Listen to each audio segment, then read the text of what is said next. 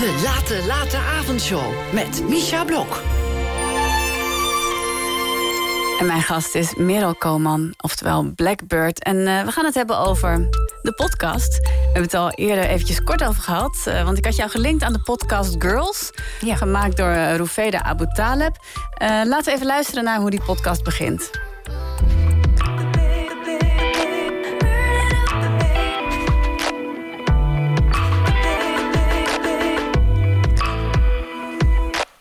Hallo, dit is aflevering 4 van Girls. In deze podcast hoor je verhalen van vrouwen die op hun weg naar succes verschillende obstakels moesten overwinnen. Voor welke uitdagingen kwamen zij te staan en welke lessen kunnen jij en ik daaruit leren? De gesprekken gaan over persoonlijke groei en issues die misschien wel herkenbaar zijn. Ik ben Roeveda. Ik ben muzikant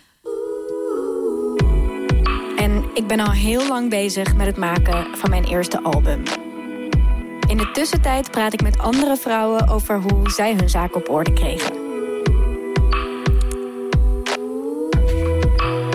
Elke aflevering is een collage geworden. Ja, in deze aflevering eh, praten ze met uh, Natasja Harleken.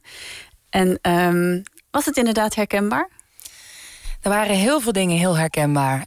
Um, nou, sowieso dit intro al. Ik dacht, oh, meisje, ja, ik weet zo goed hoe jij je voelt. Dit, dit, ben ik, dit ben ik gewoon vier jaar geleden. Ik ben al heel lang bezig met het maken van mijn eerste album. Ja, ja dus daar begon het al mee. Maar wat ik ook heel erg leuk vond. Um, in de podcast wordt ook gesproken door Natasha over uh, haar opvoeding. Over dat haar moeder heel duidelijk was. En dat, en dat mensen soms dachten van nou, dat is misschien streng, maar dat vond ze helemaal niet. Het was gewoon duidelijk. En dat gaf heel veel rust. En dat heb ik ook gehad. Ik, bij mij thuis was het altijd gewoon heel fijn, heel rustig. Ik kan me helemaal niet herinneren dat mijn ouders streng waren, maar ik wist heel goed wat wel en niet mocht. En uh, ja, dat was gewoon. Ik dacht, jeetje, ja, dat is hetzelfde huishouden eigenlijk als waar ik vandaan kom. En ook een bepaald soort vertrouwen hebben in je kind. Zo van qua eerlijkheid. Ik mocht thuis ook absoluut niet liegen. Dat was een soort van het ergste wat je kon doen. En dat gebeurde ook echt, nou ja, bijna nooit. Ik kan me nog maar één ding herinneren. En dat was dat er met een stift over, het, over een vloerkleed was, uh, was gekleurd. En dat mijn broertje en ik toen waren we nog met z'n tweeën. Ik heb twee broertjes, maar we waren toen met z'n tweeën. Dus waren we echt heel jong. Uh, dat mijn broertje en ik allebei zeiden... nee, dat hebben we niet gedaan. Nee, dat was ik niet. Nou, toen hebben we echt op een, op een krukje of op een trapje gezeten... totdat een van ons ging zeggen wie het was. Uh, moet ik zeggen wie het was? Nou, ja, ik ben wel benieuwd nou, ja. nou, het was uiteindelijk was het mijn broertje, maar dat had, ik had het ook kunnen zijn. Maar toen hebben we allebei geleerd dat dat is geen optie. Liegen is geen optie. gewoon de waarheid vertellen. Gewoon de waarheid. En uh, dat is niet leuk. En dan krijg je het ook te horen. Maar, maar dan, dat is altijd nog beter dan, uh, dan liegen. En dus dat herkende je. Maar als we het meer zeg maar, naar het muziek maken trekken. Want ze eindigt uh, haar afleveringen altijd, dat vind ik altijd heel mooi, met een soort van conclusie. Ja. En de conclusie van deze aflevering is. Uh, ja, iets wat ze dan ook van die Natasha Harleken heeft geleerd. Van je moet durven om je kwetsbaar op te stellen. Mhm. Kwetsbaarheid tonen. Uh, echt jezelf durven zijn. Ja. Ja, en niks voor anderen invullen. En dat, nee. en dat